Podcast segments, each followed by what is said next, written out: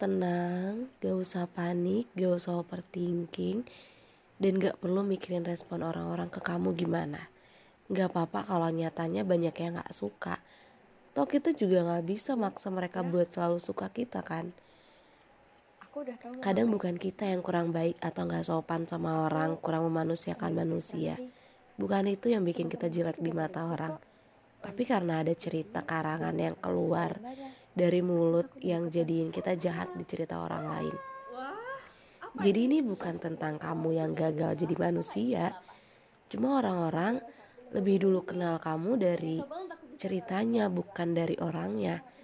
Makanya lain kali kalau mau kenal sama orang itu harus kenal langsung bukan melalui perantara dari ceritanya, sosial medianya atau katanya.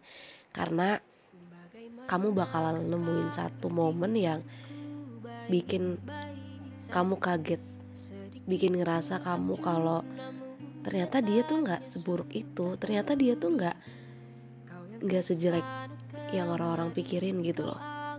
Dan kamu akan mendapatkan kejutan-kejutan yang di luar dari ekspektasi kamu.